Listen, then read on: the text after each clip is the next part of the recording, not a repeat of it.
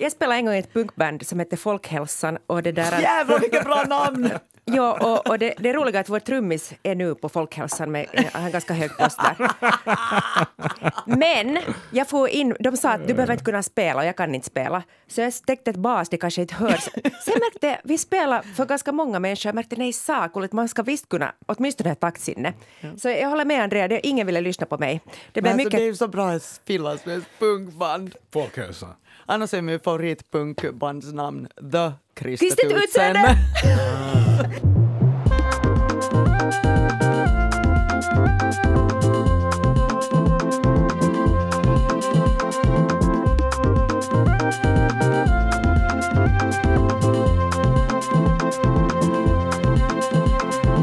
Välkomna till Sällskapet, en kulturpodd med samhällsperspektiv. Och den här gången har jag med mig Elmer Bäck. God dag. God dag. Och god dag och välkommen till Andrea Reuter. Tack, tack. Mitt namn är Anne Hietanen och jag är här nu en stund medan Kia Svetihin är på studieledigt.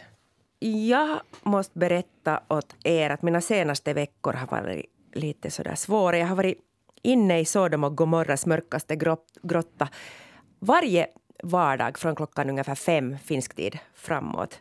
Det är nämligen så att mina numera väldigt, väldigt nära vänner är inne i en rättegång. De heter Amber och Jonny. och jag vet att det här låter nu som två åttaåriga barn som bor i en sån här lägenhet med mycket sån carpe diem ritat på väggen. Men det här är inte nu de här åttaåriga barnen utan det är skådespelaren Johnny Depp och hans före detta fru Amber Heard som också har varit skådis, men nu fungerar hon mest som någon slags Instagram-aktivist. Och jag kommer att prata om den här rättegången och fundera lite att varför tittar människorna på detta? Och hur kommer det att gå? Kanske vi till och med kan fälla en dom här två, tre veckor innan rättegången på riktigt tar slut. Älskar sånt. Elmer, vad kommer du att prata om idag? Jo, jag tänkte tala om cykler och egentligen då hur varje generation egentligen reagerar emot den förra generationen. Och, och ur den synvinkeln att jag börjar bli den åldern att jag nu kan se det med mina egna ögon. Andrea, du får äran att inleda idag. Va, vad har du tänkt på? Jag skulle vilja tala om politiseringen av film och modegalor från lite olika perspektiv. Och man, man talar om att awards season är i början av, av året. Men det som är nu närmast var att Met-galan i New York hölls i måndags och det var under temat Gilded Glamour. Och med det namnet så tänker man genast på The Gilded Age. Det finns till och med en serie som heter precis The Gilded Age som nu går på HBO som är gjort av, av Julian Fellows som, som gjorde Downton Abbey. Och det handlar just om det, den här perioden. Det är ett begrepp som, som Mike Twain faktiskt ehm, eh, um, uh, skapade och handlar om ungefär 1870 1890 i USA som var en tid av väldig um, förmögenhetsväxt och, och det, industrialiseringen uh, gick väldigt snabbt och det var stora uppfinningar som um, glödlampan och, och telefonen och maskiner som man kunde göra industriellt uh, kläder och förstås liksom järnvägens framväxt. Och sen så, för mig är The Gilded Age alltid Martin Scorseses uh, The Age of Innocence, den här filmen med Daniel Day-Lewis och, och, och Michelle Pfeiffer. Där det finns en så otroligt sexig scen där han äh, sätter fingret mellan hennes handske och hennes långa ärm. Det är liksom den enda delen av hennes kropp som är, naken i en sån här hästdragen vagn. Men äh, det är lite roligt därför för att, den, att, att äh, jag ska tala om politiseringen av galor därför för att The Gilded Age är ju ändå förknippat med att till exempel kineser som byggde järnvägarna verkligen behandlades som slavar. Det var ju väldigt många människor liksom, inom arbetarklassen som, som mådde jättedåligt och så var det de här några, Vanderbilt och, och de här som eh, Rockefeller, de kallas ju liksom rövarbaroner som blev sen jätterika och byggde så här helt sjuka hus och är ju då att liksom allt förgylldes. Men det är ganska kul tema tycker jag på något sånt som Met-galan för det handlar ju bara om outfits där och jag tycker också det är kul att de har tagit ett tema som de inte har varit så här månne det är politiskt korrekt att ta det här temat utan de har bara kört på någonting som är så här kul och se hur, hur folk klär sig. Och det fanns mycket snygga kläder. Hur förhåller ni er till Marilyn Monroe-klänningen på Kim Kardashian? Eh, jag skulle aldrig ha klänningen med Marilyn Monroe. Och jag tycker också att det var en helt för enkel stil för att vara på Met-galan. Met-galan ska ju vara liksom helt Mm. jätte over the top och galen. Så att just den tycker jag inte om. Men jag tyckte om till exempel Bella Hadid hade en som var liksom en blandning av svart läder och spets som var ganska så BDSM-stil från Prada, den var cool. Och Amber Valletta hade en guldklänning med jättebreda axelvaddar, den tyckte jag också var riktigt snygg. Och sen tyckte jag också att Cardi B var, var cool, så här guld overload. Jag tänker när det är Gilded Age så får man köra på. Och det är ju, nu är det tycker jag på alla galor att alla kvinnor har genomskinliga klänningar och visar liksom allt. Och det tycker jag är väldigt ointressant. Jag tänkte samma sak faktiskt, för nu tyckte jag på Met-galan att skönt att de har lite kläder. Liksom, för de, de hade lite mer, att man måste inte se De hade alla. lite mer, men det var många som nog körde på det där, men, men de hade ändå lite mera. Nåja, men det var egentligen inte i det Met-galan jag skulle tala om, utan Eh, Elgalan i Stockholm. Och den var ju då alltså förra fredagen. Och på grund av pandemin så är det två år sedan den här, eh, senast hölls, så det var liksom jättemycket hype och min Instagram var liksom helt full av, av, typer. Och en av de inbjudna var Ebba Busch, alltså Kristdemokraternas partiledare. Och, och samma dag la hon ut en, en bild på Instagram av sin klänning. Hon hade skaffat en klänning av en ukrainsk designer, Ivan Frolov. Och så skrev hon att det är så fint att borde uh, firas. Och den här bilden var också tagen utanför ryska ambassaden. Och, och så skrev han att, ja, att, att, det, att det är så, mm, en viktig symbol för Ukrainas frihet och den här designers viktiga kamp vad gäller mänskliga rättigheter och hbtq-personers rättigheter. Men det är inte den här politiseringen jag har något att säga om, utan det att hon blev portad från att komma på galan.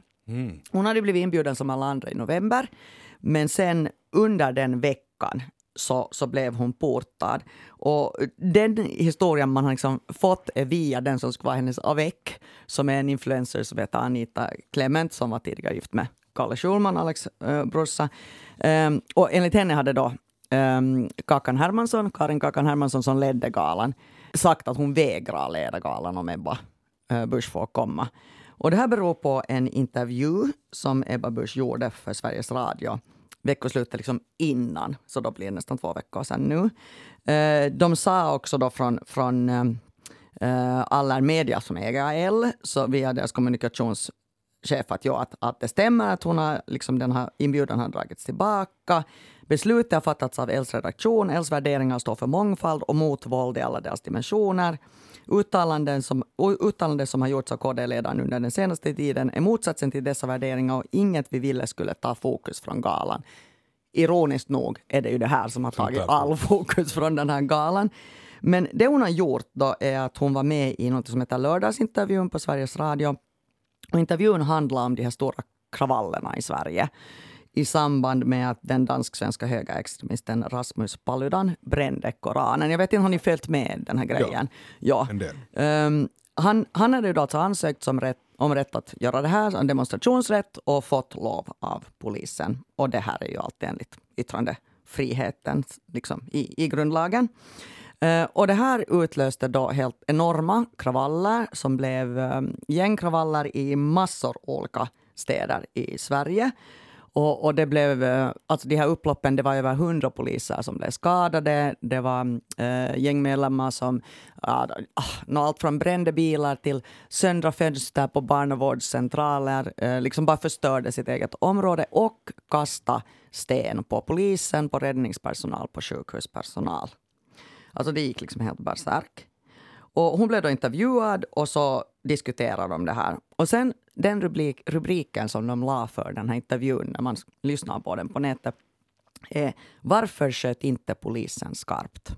Mm. Och det här är då det här uttalandet. Det, det har ifrågasatts bland annat Polisförbundets ordförande Lena Nitz och justitieminister Morgan Johansson. Och jag har då lyssnat på hela intervjun om jag vågar komma med en gissning här så finns det säkert många som inte har lyssnat på intervjun som har mycket åsikter om det här, för det ja. brukar vara så i sådana situationer. Men um, okay, jag kan tycka att, att just den meningen den låter liksom lite hård när den är sådär upplockad, absolut. Men hon för ett långt sammanhang, eh, resonemang i den här intervjun om rättssamhälle och yttrandefrihet och, och ifrågasätta varför över hundra poliser är skadade men inte några gängmedlemmar. Att varför polisen liksom reagerar med att retirera och de använder sig inte av gummikulor eller vattenkanoner som är någon slags sådär halv våldsamma grejer att, att, att använda när det liksom allting har, har kontrollen har helt tappats. och sen det ultimata eskalerande skulle ju då vara att skjuta. Men polisens roll är ju att skydda samhället och också att skydda yttrandefriheten.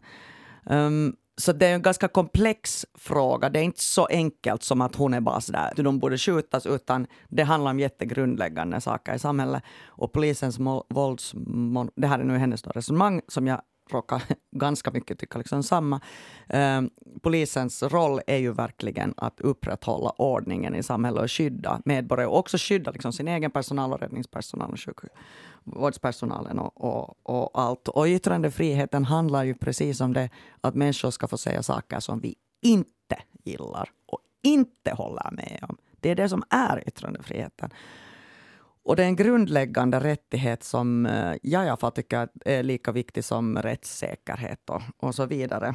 Nåja, man kan ju tycka liksom allt om hennes inställning, men hon blev alltså portad då från den här galan på grund av sitt ordval, i princip. Och det här tycker jag är något som är ganska skrämmande. Uh, vad va, va, va, va, tycker ni liksom om det? Ja, det, det, det, alltså det finns så många beståndsdelar som du säger som är problematiska. Och sen är det ju spännande det som du säger att, att med att med att porta henne så satte de ju all fokus på det. det är väl, vad, vad säger de om den där Streisand-effekten, eller vad var det där som det kommer från där Barbara Streisand ville inte att man skulle hitta hennes... Hon ville ta bort några foton på hennes fina hus, vilket gjorde att alla blev vi, vi gjorde att alla googlade och ingen exakt, skulle ha brytt sig. Exakt, exakt. Och att liksom att en sån grej blir så stor och den här skulle plockas upp det är väl synd också, tänker jag, att, att den inte leder till de diskussioner som skulle vara intressanta, är just liksom den diskussionen som du nu för, mm. utan det blir ju bara liksom två sidor som hat. Alltså det, här, mm. det igen ger bara vatten på kvarn åt dem som säger att ni vill bara liksom säga att man inte får göra någonting, och den andra sidan som säger att, att det här är helt hemskt som, som hon har sagt. Och det är just det där som du också säger, att de flesta har inte lyssnat på det, utan ja. de har läst den här rubriken. Jag tänker att det är liksom cancelkulturen överlag, och jag tycker det är ett av de intressantaste och ett av de absolut svåraste svåraste ämnena dels att ha en liksom exakt åsikt om och också att formulera alla argument, för det, det, det är så mångbottnat. Men det finns något väldigt skrämmande tycker jag i, i cancelkulturen. Om man vill plocka upp olika exempel så finns det ju massor av exempel på typ eh, universitetslärare i USA som har fått sparken för att de citerar någonting. Eh, och så var det liksom det här ordvalet och sen så, så eh, krävde eleverna att de skulle avgå, avgå och liksom styrelsen gick med på det här för att de är rädda för de nationerna de ska få och så vidare, fast det är en lärare som har varit populär i, i 30 år och skött sig jättebra och så vidare. Att det blir liksom det där att, att cancelkulturen liksom drabbar människor som, som, som, som inte se på då så att säga fel sida. Och jag tycker i förlängningen det, det som är mest skrämmande är det att okej, okay, även om man skulle tycka då att så här woke och, och, och liksom rätt åsikter är de som nu då dominerar, Eh, om man skapar ett samhälle som funkar som cancelkulturen funkar, så vad gör man sen när det är någon annan sorts åsikter som dominerar? Det är svårt att liksom reel it in mm. och sen plötsligt vara så här, nej, nej, men nu ska vi bara gå enligt uh, lagar som handlar om uh, liksom ärekränkning och, och så vidare. Att det, det är väldigt sketchy samhälle om, om det, så, det ska liksom funka. Och jag läste en artikel nu i, i, jag tror att det var i New York Magazine, som handlar om att nu håller pendeln nog på att svänga. Att det är ganska mycket liksom demokrater och så vänstermänniskor som nu har stigit upp och sagt nu får det liksom räcka. Mm. Att, att vi kan inte ha det så här. Att det här är liksom bara bullshit och vi kan inte heller bara sätta tiden på någon sån här liksom ordmärkeri och godhetsmarkeringar och sånt. Att nu måste vi liksom get shit done och, och tänka på riktigt på vad uh, som gynnar människor. Så det, det kanske mm. håller på att svänga den här pendeln? Det måste göra det, för det är någonting med den här cancelkulturen som jag uppfattar som att den är, inte, alltså den är ju inte välvillig. Det, det nej, nej, nej, nej, nej, det är ju så långt från välvillighet som det går. Man vill inte förstå någon, mm. man vill inte lyssna, man vill inte uh, se olika saker, perspektiv, hålla två tankar eller flera i huvudet samtidigt, etc. Det är jätte liksom, svartvit, dogmatiskt, nästan religiöst. Men då är det ändå de som cancelar som på något sätt utger sig från att vara de goda. Ja, ja, förstås. Alltså... Men det är jättesvårt, för samtidigt så om man nu fortsätter med liksom det här galaspåret, um, årets Oscargala. Um, Oscargalan har ju då fått um, väldigt mycket kritik för att det är så, så vitt.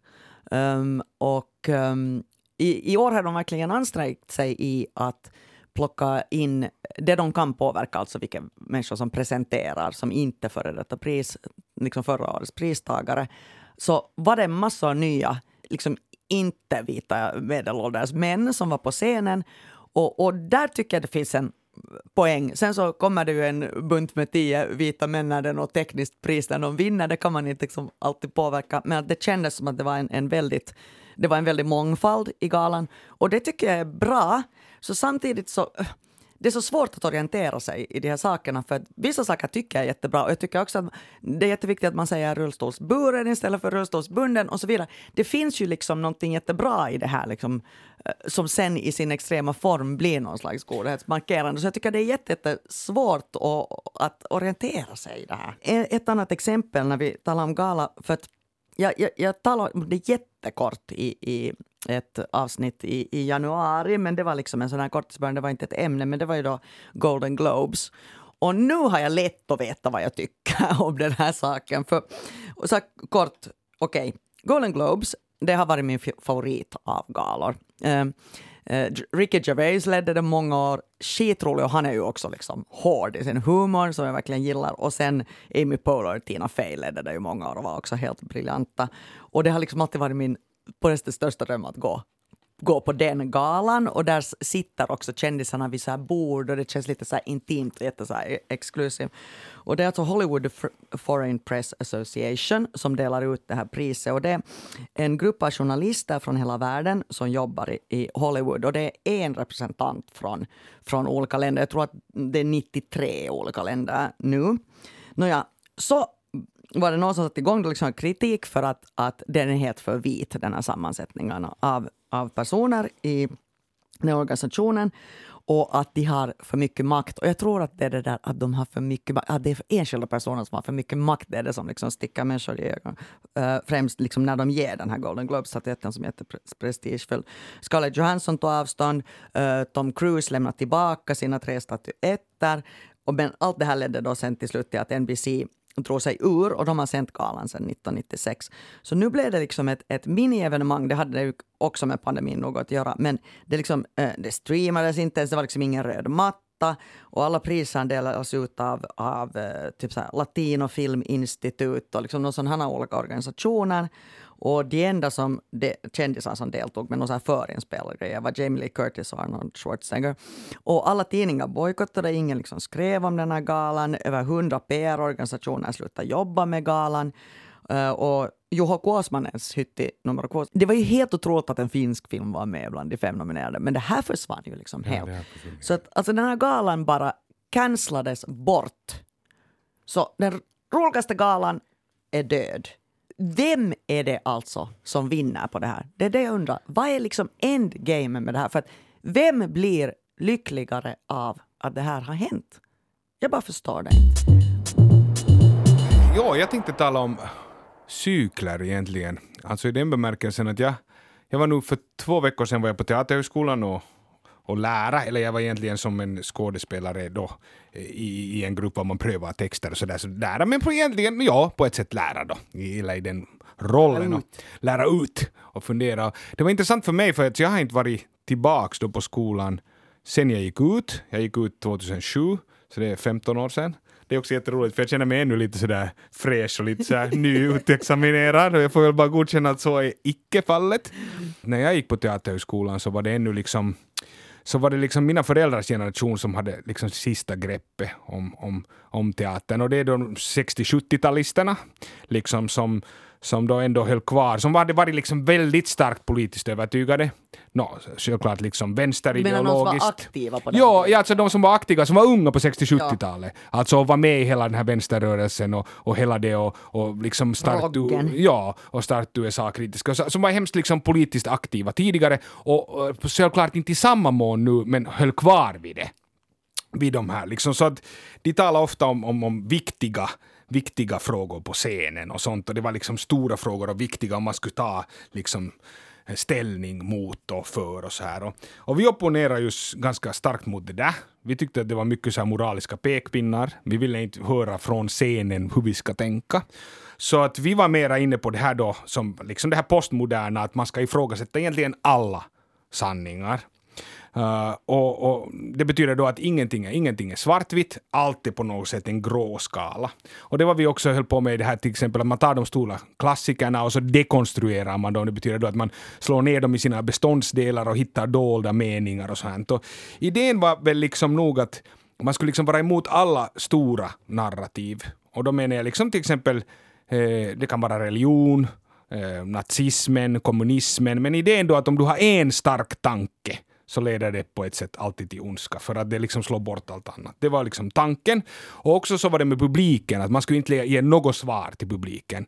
Idén var mer då att provocera eller att förundra. Och idén, liksom, vad man ville var då att publiken skulle tänka själv och reagera mot det som händer på scen. Och inte liksom så att säga att vi ska ge nycklarna åt dem. Så att tanken för oss var då det att egentligen konst för konstens skull. Det var okej. Okay så här kredot på något sätt. Och nu är det ju hemskt tydligt att vi, vi, vi inte mera finns i den tiden och att den här tiden är över och att vi är tillbaka i de här stora frågorna. Och vi är tillbaka i det här med gott och ont. Och vi är också tillbaka i det här tankesättet att, att meningen med konsten är viktigare än själva konsten. Alltså det viktiga är så här, vad vill du säga, vad vill du ändra?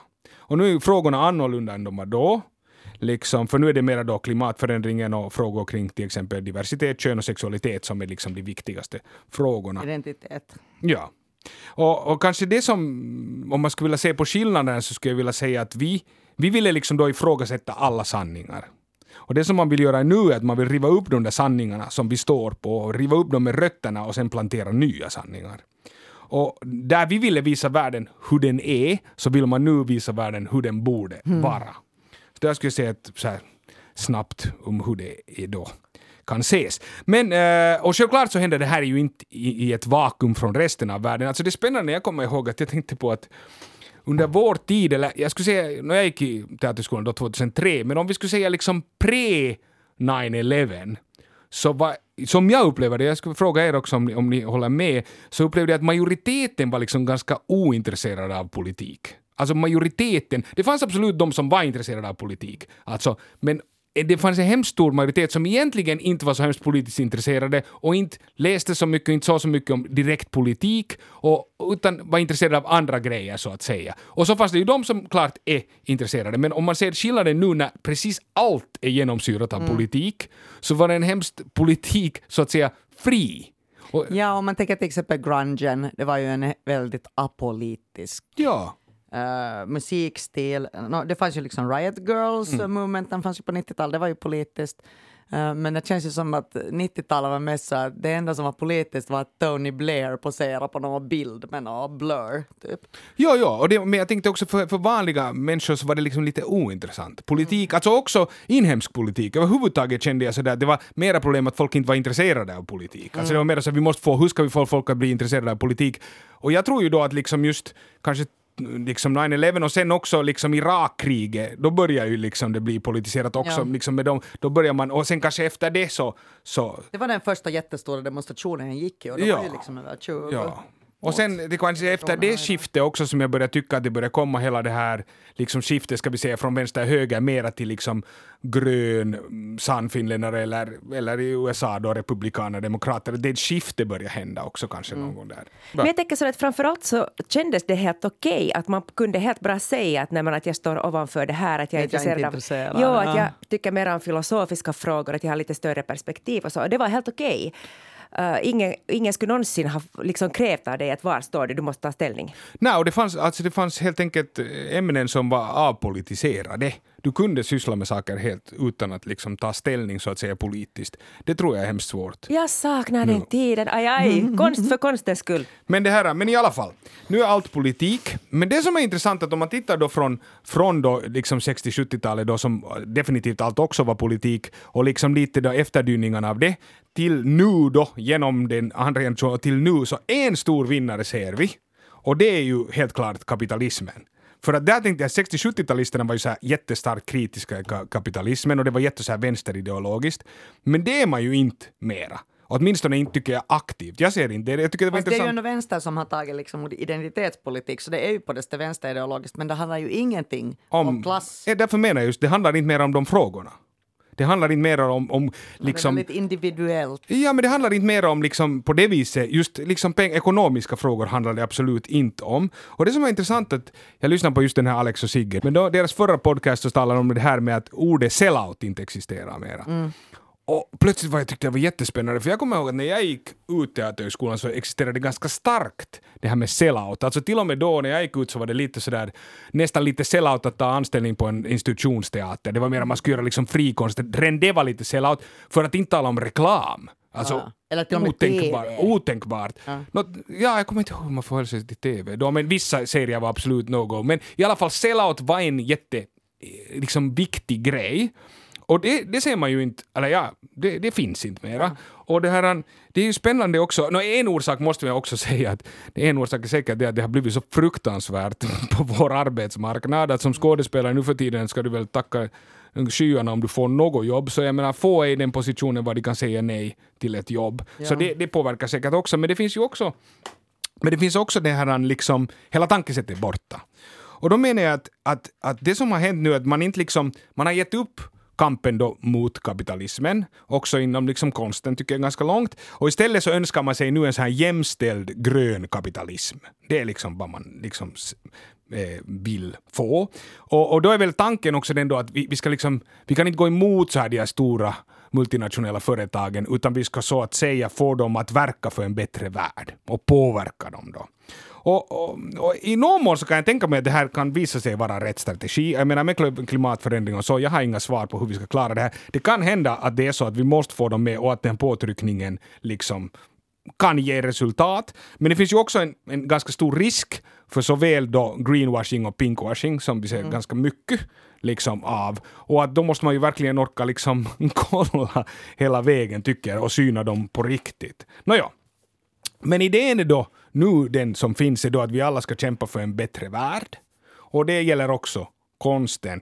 Men, men det är något som händer med konsten när den blir liksom nyttig på det sättet. Och, och, och då menar jag att det som händer är att paketet blir liksom lätt viktigare än själva innehållet.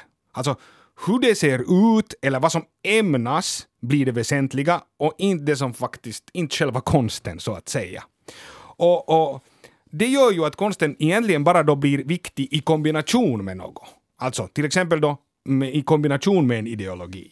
Och, och det leder igen det till att rätt i den, lätt i den tanken då att det är bara så att säga rätt konst som ska stödas. Och konsten får då inte stå för sig själv. Och, och det här tänkte jag också, det här leder också till det tankesättet som vi talade om när vi var här förra gången, när vi talade om det här att, att all rysk ska bojkottas som en protest mot kriget i Ukra- Ukraina. Alltså min intuition säger direkt att en rysk konstnär borde definieras mera för att den personen är, är konstnär, mer än för att den personen är rysk. Men nu ser man alltid konsten som underordnad någonting annat. Och, och, och, och jag tänker att det här ses också i det hur konsten försvaras under pandemin och annars. Hur konsten, nu för tiden försvaras konsten alltid så här, inte alltid, men hemskt ofta så här att, att eh, ja men konsten skapar så och så mycket arbetstillfällen. Eller konsten samlar in så och så mycket pengar till kriget i Ukraina eller mot då, till hjälp till Ukraina sa det senare. Så att kolla nu, nu borde konsten ha stötts då på pandemin, för kolla nu hur snabbt de fick in massa pengar till Ukraina. Okej. Och det som jag tror att är problemet med det här är att jag, jag, jag har alltid tänkt så här att konstens största egenskap och varför, vad den gör, varför den är så fantastisk är just att den är så totalt onyttig. Alltså den vägrar vara nyttig för någon. Alltså den vägrar vara nyttig. Fast samtidigt, så det kan vara helt livsviktigt att det kan vara det enda som kan få en människa att orka vara en människa.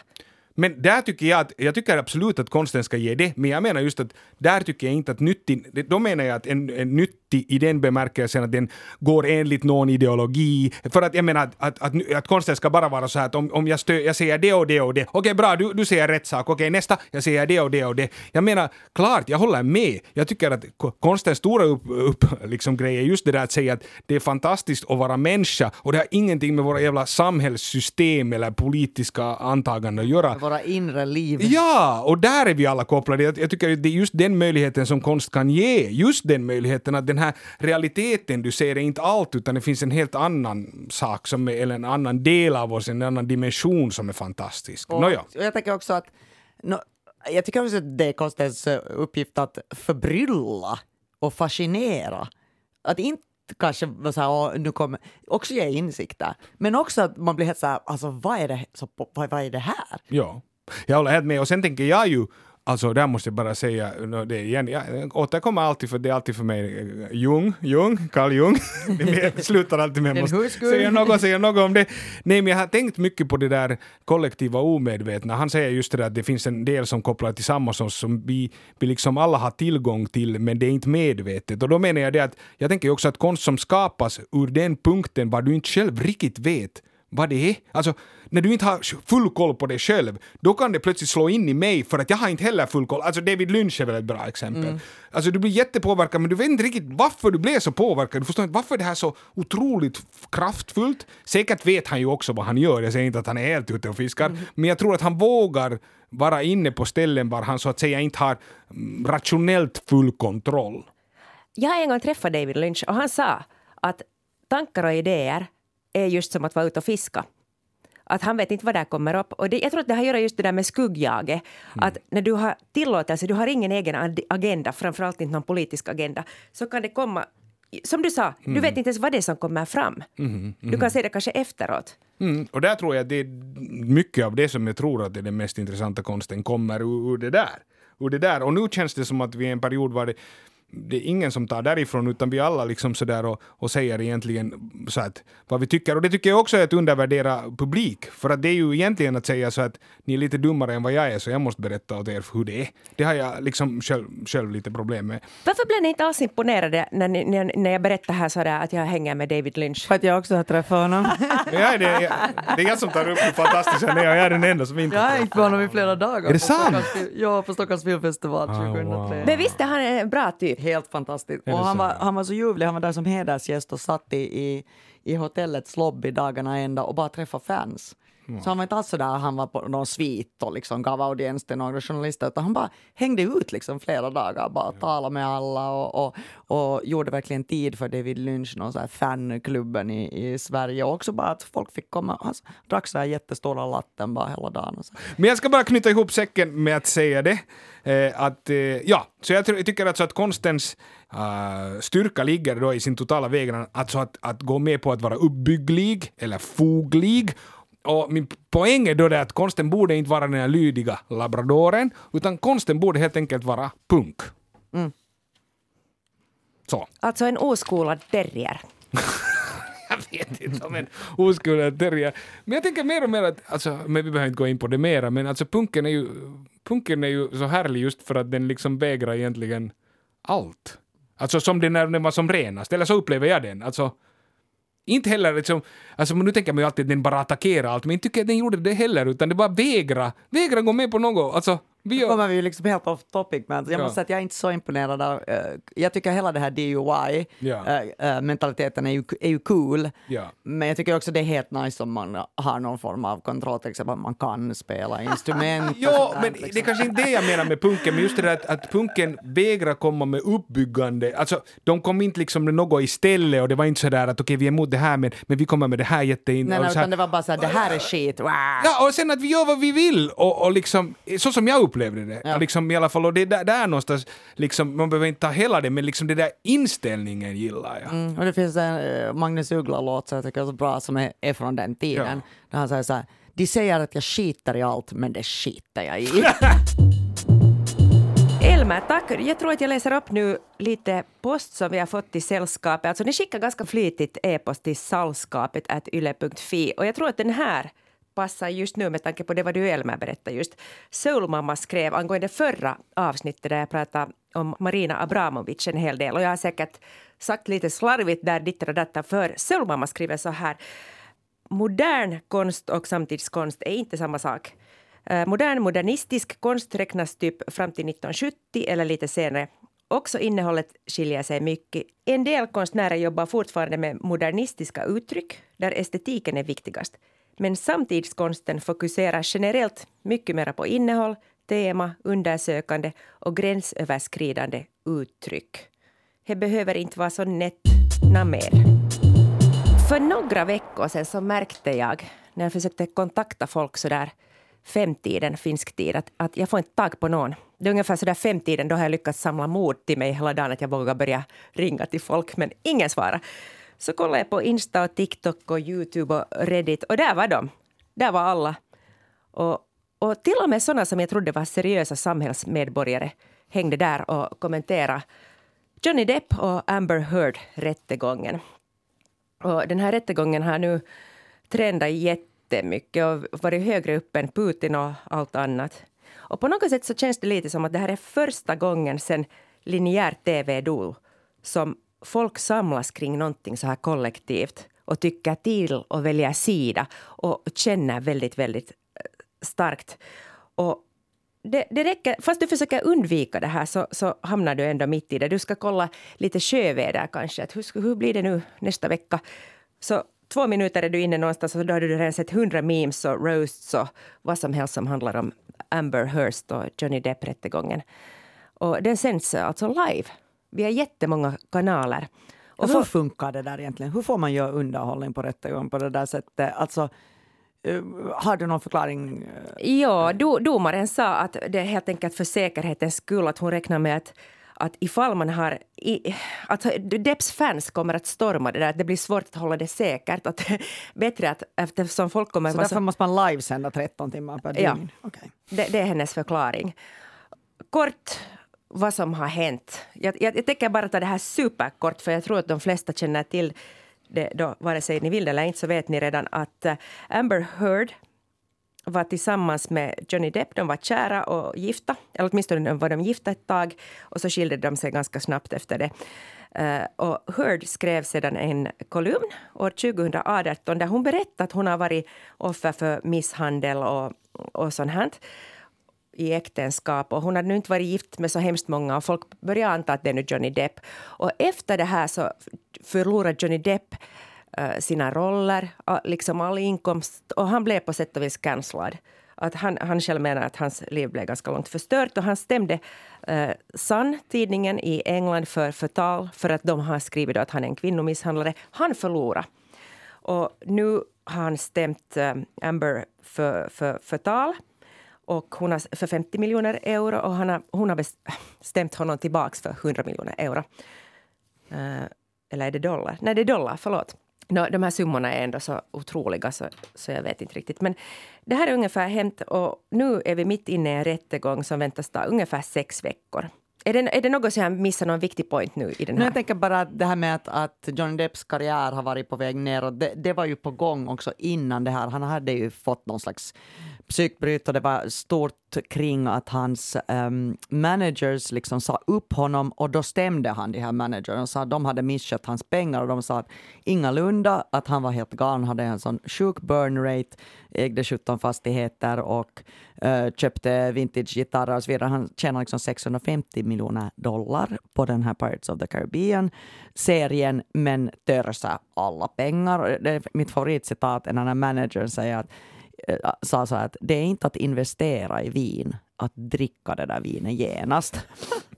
så att, att det var ju liksom mycket skandaler kring honom. Det var en stor artikel i Rolling Stone som vi talade om med Elma um, ehm, eh, innan vi började spela in och, och det var en stor grej i Vanity Fair och så vidare. Så att han verkar ju ha liksom tappat det ganska mycket under den där perioden. Så att det, han var tydligen också jättejobbig att arbeta med och så där. Så det var inte bara det här utan han var liksom på väg in i, i ett mörkare oberoende tjänst. Så. Bra att du sa, mm. för att nu, det, det, är bra, vi får höra lite den sidan också. För att nu i den här rättegången så hade det varit Depp som har varit, hans sida varit framme. Och han, han är nu som ett helgon nästan.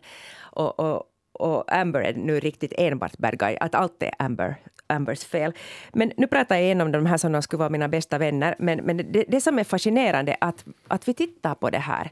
Och jag, jag, tror att, alltså, jag skrev om det här på Instagram och frågade lite folk att varför ser vi på det här? Och folk var väldigt involverade, väldigt intresserade. Och, och, och, och en sa, en Fanny, så hon skrev att, att hon tror att det har att göra med det att när realityn har blivit så skriptad, att den är så manusbaserad nu för tiden, så är det skönt att se någonting som på något sätt faktiskt känns som reality. Mm. Uh, och jag tror, jag lyssnade på Filip och Fredriks podcast och, och och, och där, där sa de, och jag håller verkligen med, det är också att man är liksom så trött på kriget i Ukraina, före det hade vi liksom covid och före det hade vi Trump. De sa inte, de, de talade bara om kriget.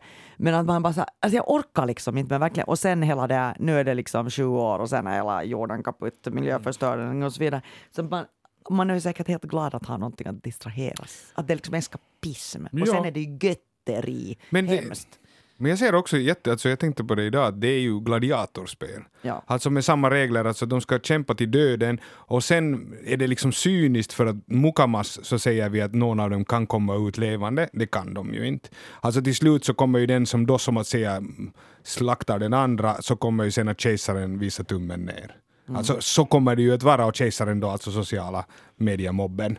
Så det är ju liksom det som jag tycker är det mest cyniska, alltså att det absolut inte finns någon möjlighet att någon av de här ska klara sig ur det här. Det är ju helt uppenbart. T- Tänker du så att båda är helt cancelled för resten av livet? Ja. För att det som den här har gjort nu, att båda sidorna är nu så starka, alltså vad du än är, och där- därför för att också för att, klart det att, att liksom allt är ju business i Hollywood. Så att varför skulle man ta den här risken? Det kommer båda att bli, det kommer ändå att komma med en, båda två kommer att ha en så stark liksom, social mobb mot sig, båda två, efter det här, att det liksom, det kommer helt enkelt inte att vara ekonomiskt någon idé. Så jag tror att absolut att de båda så att säga eh, Jag är så dåligt insatt men, men det var också då när jag hörde på Filip och Fredrik så sa Fredrik att, att när man tittar på kommentarer det är liksom så tusen, tusen, tusen, alltså det är väl något, alltså det är tiotals miljoner som följer med de här grejerna. Att det var jättemycket att alla är liksom på Johnny Depps sida. Kanske nu, men nu tror jag ändå att, för det kommer ju ändå stå ord mot ord, det kommer inte kunna bevisa att han inte har misshandlat henne. Och det att han liksom skulle kunna gå ur det här, nej jag tror inte, men jag tror också att Johnny Depp är väl medveten om det här. Jag tror att det här var bara enda sättet att han var körd ändå, så att han var så att nu drar han sig med henne med sig ner. Och det tror jag att han kommer lyckas i, alltså de kommer båda att kastas. Men alltså jag tycker att det där är det mest cyniska, att vi mukamas liksom gottar oss i det här och sen att vi tror att, liksom, att leken är den att någon av dem kommer så att säga att vinna. Jag tror inte. Alltså jag tror att de kommer båda att offras. Jag tror att det är att man, man tänker inte att de är riktiga människor. Och att de facto är de ju också skådespelare. Och i rätten så skådespelar de också ganska... Alltså det är också ett skådespeleri. Men, men faktum är att det är också deras riktiga liv. Men alltså därför tycker jag att det är gladiatorspel, exakt så som det var. Alltså man sätter de är riktiga människor, de kämpar till sin död, vi tittar på dem och vi hurrar och vi är på ena sidan och sen till slut så mördas de. Eller sen efteråt. Men kan det också vara två. så att det här är ett, att om man tänker det lite mindre cyniskt, ja, no, jag, jag håller med dig, men jag försöker tänka att att om vi nu inte bara är onda som tittar, så det är också ett relationsdrama där de flesta kan identifiera sig. Uh, Nå, Nej. jag, Jag tror inte. eh, Alltså har alla levat i sådär extremt toxiska relationer där man liksom äh, slår varann och hackar några dörrar i huvudet och så här, kan man identifiera sig med det?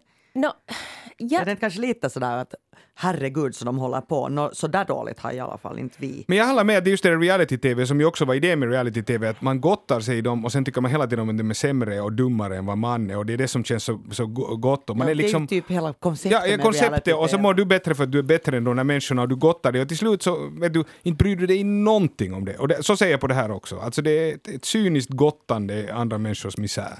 Nej, jag tänker igen så här eh, att om man skulle nagelfara alla pars liksom värsta stunder och det är underligt också att det finns så mycket inspelningar av folks gräl, eh, eller av deras gräl. Men om man skulle se de svartaste stunderna i många parförhållanden så nu skulle det också vara ganska mörkt.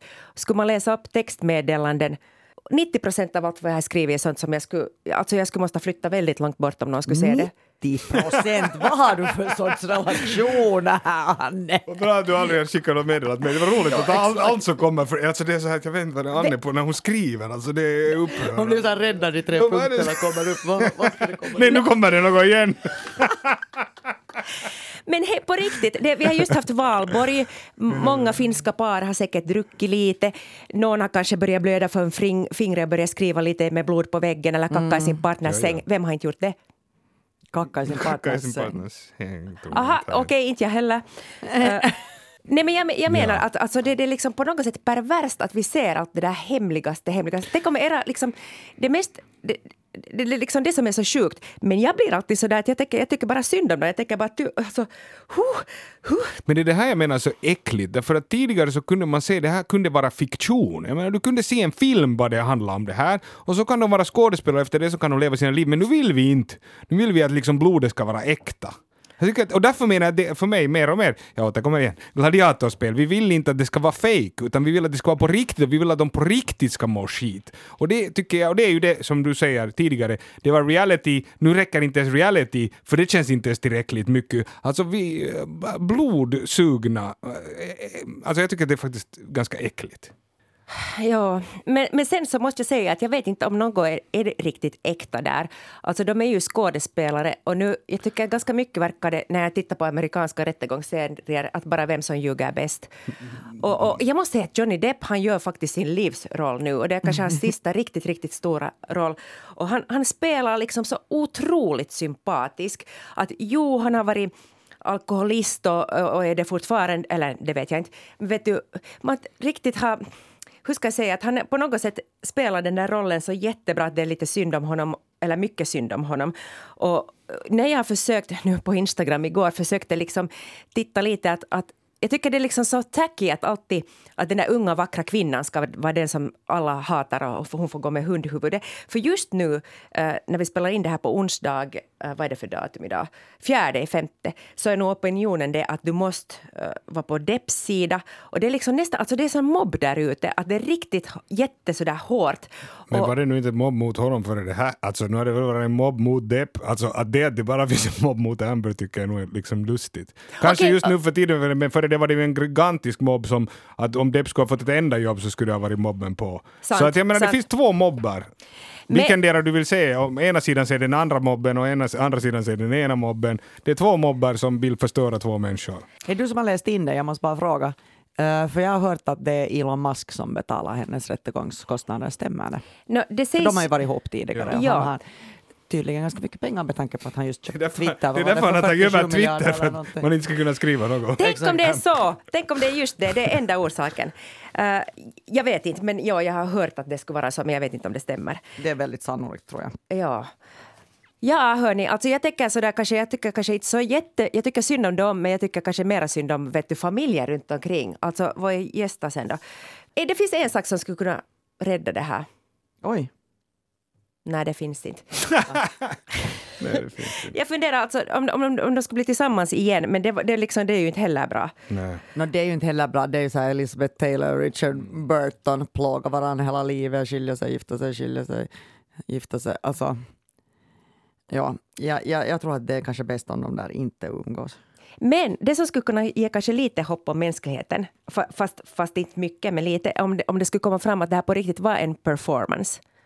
Kommer ni ihåg det där en Phoenix, vad heter han, Joaquin Phoenix? Ja. Ja, Ja, det tyckte Ja. jag var helt briljant. ja. Det var spännande. Det var en, för en roll så var han i karaktär kanske ett år innan och, och jag vet inte om han var det på riktigt eller om han bara sa det att han spelar vansinnig, eller var han vansinnig. Men det var ju nog ett konstprojekt. Ja, det var nog ett projekt med- tillsammans med den Casey Affleck. Ja. Men tänk om det här också skulle bara kunna vara det. Alltså det skulle vara så Men skönt vad skulle poängen med det vara? att vi skulle veta att världen var inte så ond som vi hade Eller tänkt. att blotta hur fruktansvärda vi är. Förlåt nu, men jag måste ännu säga lite bara. Att jag tror att Amber, om hon inte skulle vara så otroligt vacker så skulle hon ha lite mera goodwill på sin sida. Sen att man tänker så där, eller jag tänker så där ibland, att om någon otroligt vacker, ung, skön kvinna är tillsammans med en gammal puligubbe så, så kan det för, för liksom... Och det där är inte alls fräckt sagt om Johnny Depp då, utan det är en gammal puligubbe kan man säga. Fast han Men- är ju en gammal Ja, men får jag, säga, jag, har, jag har en sak som jag kan säga som hennes citat, som jag tycker är det, det, det, det är liksom det är hårdaste citatet som jag har hört att Amber Heard har sagt. Hon har sagt “Sometimes I wonder why I hang out with this guy that used to look like Johnny Depp”. Det är hårt. Det är hårt. Det, det är inte snyggt. Men hur som helst så kan man tänka att är det här en gulddigger? Men vad är det för fel att vara gulddigger? Alltså jag ångrar varenda en dag när, som jag inte har varit gulddigger. Är det, är det något fel med att vara en gulddigger? Nej, jag tycker inte. Nej. Nej, det, det kommer ju inte att gå så nu, det här kommer ju att inte lyckas då om det så. Nej. Om inte, om inte Elon och hon eh, får något bra till stånd. Till stånd. Jag tror att den här slutvinjetten inte blev något bättre. Nej, det blev värre nu. Jag Jag tror, tror att vi börjar nu vi gräver oss ner. Exakt, nu Nu- gräver vi nu våra kommer det egna- Håller på blod att ur gräva, vi har liksom Ja. hållit helt okej balanserade. Jag tycker det är ändå bra. Vi borde ha ännu en tredje ordvits så skulle det kunna bli liksom... Okej, hej. Uh, have you, uh, Ja, det have är you något heard? Jag vet ja, inte, nej, det är samma, något det där. finns någonting där. Det är ju sån här textning alltid på, som, det är någon automat som textar. Och det blir alltid misheard. När de ska säga misheard så blir det alltid I misheard what? misheard. misheard what? Ja. What? Hallå? Tack för idag. Vi, vi, tack till Elmer Bäck Tack. och Andrea Reuter. Tack, tack. Vi hörs igen nästa vecka. Hej då! Hej då. Hej.